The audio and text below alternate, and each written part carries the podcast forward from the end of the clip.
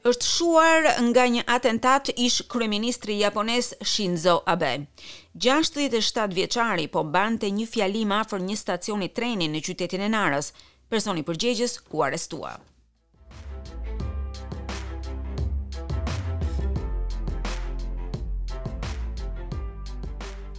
Të pranishmit dëgjuan dy të shtëna armësh, ndërkohë që ish-kryeministri japonez Shinzo Abe mbante një fjalim në rajonin e Narës në Japoninë Perëndimore. Stuar është një person 41 vjeçar, i cili dyshohet për krimin.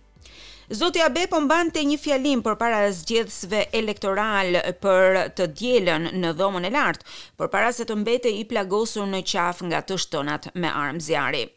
Zoti Abe fillimisht iu përgjigj veprimeve të shërbimeve të urgjencës, por raportet thanë se ai pësoi arrest kardiak në momentin që arriti në spital. Dëshmitarët e përshkruan momentin kur panë zotin Abe të rrëzohej pas të shtënës së dytë me armë zjarri, e cila ndodhi rreth orës njëmbëdhjetë e tridhjetë të mëngjesit në kohën e Japonisë. He was making his speech and from behind a man approached and we were watching from above. Ai po fliste dhe vura re se një person u afrua. Ne po shikonim nga lart dhe gjuajtja e parë ishte si një bazukë, si një armë lodër. Askush nuk u rrëzua dhe ai ishte i qetë, asgjë nuk ndodhi. Por me të shtënën e dytë pamë tymin të dilte. Ishte e njëjta armë. Me të shtënën e parë, ai në njëfarë mënyre u duk sikur u smbraps, me të shtënën e dytë, u rrëzua. Menjëherë, kryesekretari i kabinetit japonez, Hirokazu Matsuno foli duke e dënuar sulmin dhe tha se qeveria do të mbajë një takim me ministrat përkatës për të diskutuar përgjigjet e duhura. For whatever reason, this kind of barbaric act is not acceptable and we firmly condemn it. Për çfarëdo lloj arsye, ky akt barbar është i papranueshëm dhe ne e dënojmë atë me vendosmëri.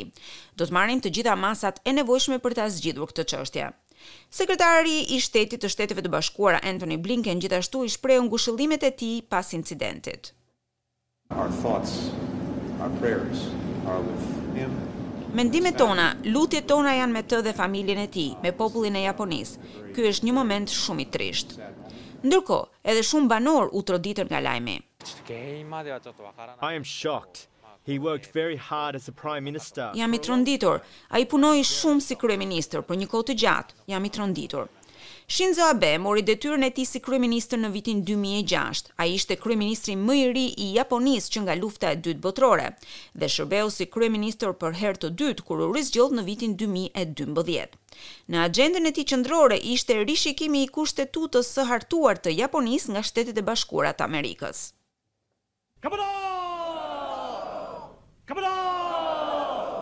Ky është zëri i zotit Abe duke brohoritur, le të shkojmë në Tokio, kur u zgjodh për herë të parë si kryeministër në vitin dy mijë e gjashtë.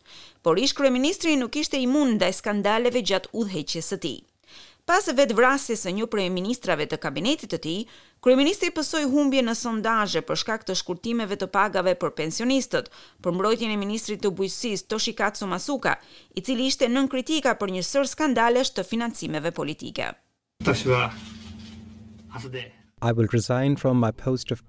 Unë do të jap dorëheqjen nga vendi i kryeministrit nesër.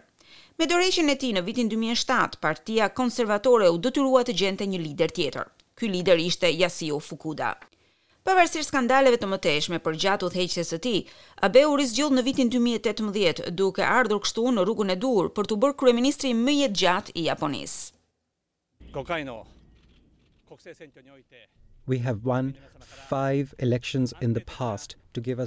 Kemi fituar pesë zgjedhje në të kaluarën, na është dhënë mandati për të siguruar një bazë të qëndrueshme ekonomike, për t'i lejuar të gjithë të gjejnë një punë të mirë. Jam në gjendje ta kthej Japoninë në një prani të fortë në politikën e jashtme. Rindërtimi i tregut dhe i tregtisë së lirë globale u bë një fokus kryesor për zotin Abe, të cilën ai e shfaqi si kryetar i G njëzet-s në dy mijë e nëntëmbëdhjetën. Ai gjithashtu ishte i prirur të përdorte samitin për të rritur vlerësimet e tij në sondazhe përpara zgjedhjeve të Dhomës së Lartë në atë vit. Defeatism about Japan is now defeated now. Disfatizmi në lidhje me Japoninë është mposhtur. Këtë vit në qershor, në Osaka, në Japoni, ne do të organizojmë samitin e këtij viti të G-njëzetës. Do ta bëjmë atë një shans për të rifituar optimizmin për të ardhmen. E ndërsa Shtetet e Bashkuara dhe Kina ishin përfshirë në një luftë tregtare, zoti Abe bëri thirrje për një bazë të përbashkët gjatë mbylljes së forumit ndërkombëtar. Puna e tij më e fundit u përqendrua në ruajtjen e Japonisë nga Covid nëntëmbëdhjetë. Ai luajti një rol në shtyrjen e Lojërave Olimpike dhe Paraolimpike të dy mijë e njëzetës, shpalli gjendjen e jashtëzakonshme mbarëkombëtare për t'i detyruar banorët të qëndrojnë nëpër shtëpi, si dhe të ndërpresin operacionet e biznesit.